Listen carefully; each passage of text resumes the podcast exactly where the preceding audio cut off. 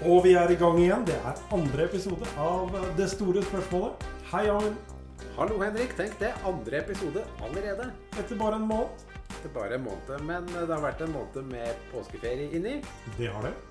Det har litt å si for uh, hvorfor dette har tatt litt tid. Ja, det har jo det. For da i påskeferien satt vi for så vidt uh, Ja, ja. Jeg vet ikke hva du gjorde, men jeg satt og gjorde egentlig ikke så veldig mye faktisk annet enn jeg gjør til vanlig. Det er korona. Dere på Hedmarken har jo endelig fått de samme, samme begrensningene vi i Oslo og Viken har fått. Ja, og vi har fått internett. Gratulerer. Takk for det.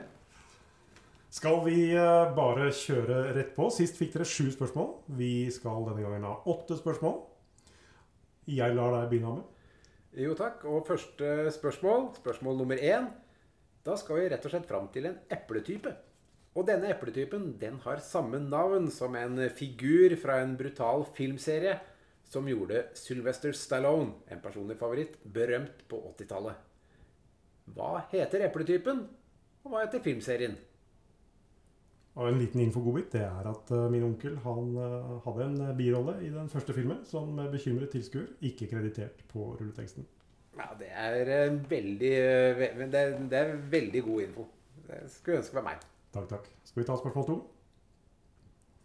Hvilket land produserer mest krydder? Og vi er da ute etter første bokstaven i det landet. Hvilket land produserer mest krydder? Spørsmål to. Og da er det spørsmål nummer tre. Da skal vi til blanding av Hollywood og Norge. Det er jo alltid populært.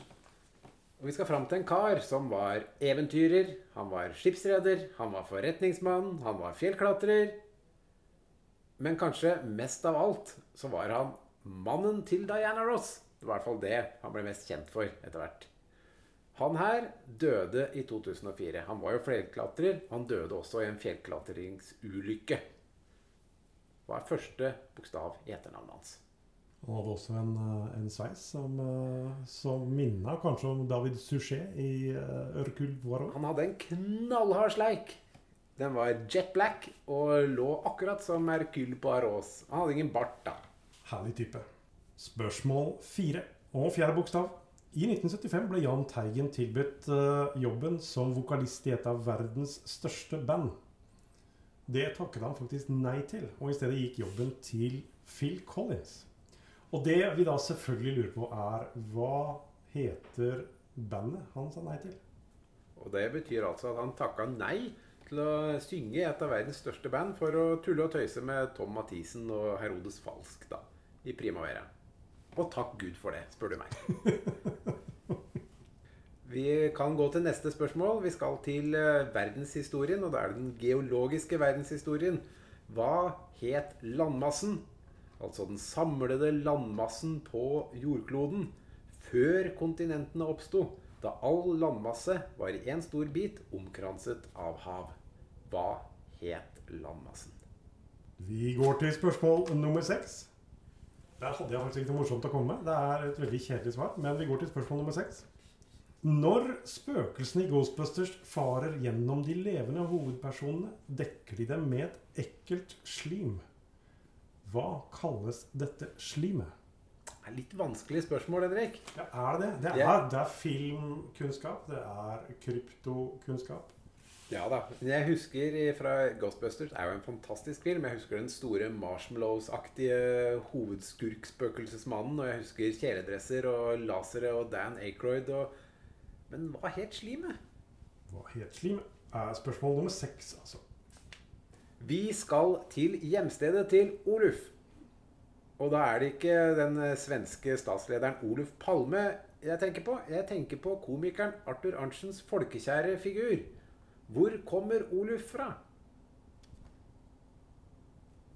Vet du det, Henrik? Nei, jeg kan bare se for meg uh, Jeg tror ikke det er ekte eneste sted. jeg tenker når du snakker om uh, Oluf, det er jo uh, Oluf Palme.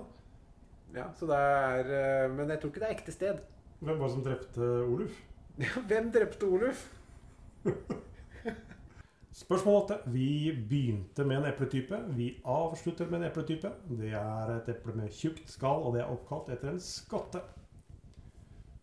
Skotten har eh, ja, Det var kanskje ikke denne skotten som ga navn til en type datamaskiner, men det er samme navn. Jeg lurer på eh, hva denne datamaskinen, dette eplet, og denne skotten het.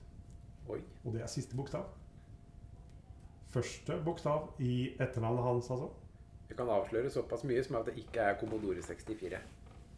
Hvordan svarer du? Du, det er veldig enkelt. Det ligger en lenke i podkastbeskrivelsen. Klikk der. Skriv inn navn og en e-postadresse. Et eh, svarord på åtte bokstaver. Trykk 'send', og gled deg. Men vi har også selvfølgelig trukket en vinner. En uh, lykkelig, heldig vinner som har stukket av med en uh, halv kvadratmeter kong Haakon.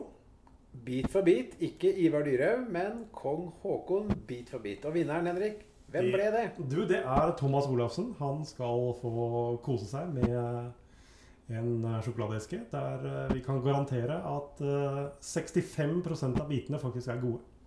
Og Thomas hørtes nesten ut som Thomas Olufsen, nesten som et av svarene, eller spørsmålene i quizen. Ja. Vi er snart tilbake.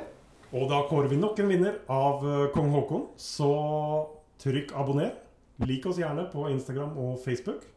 Og vi ses snart. Ha det bra! Ha det bra.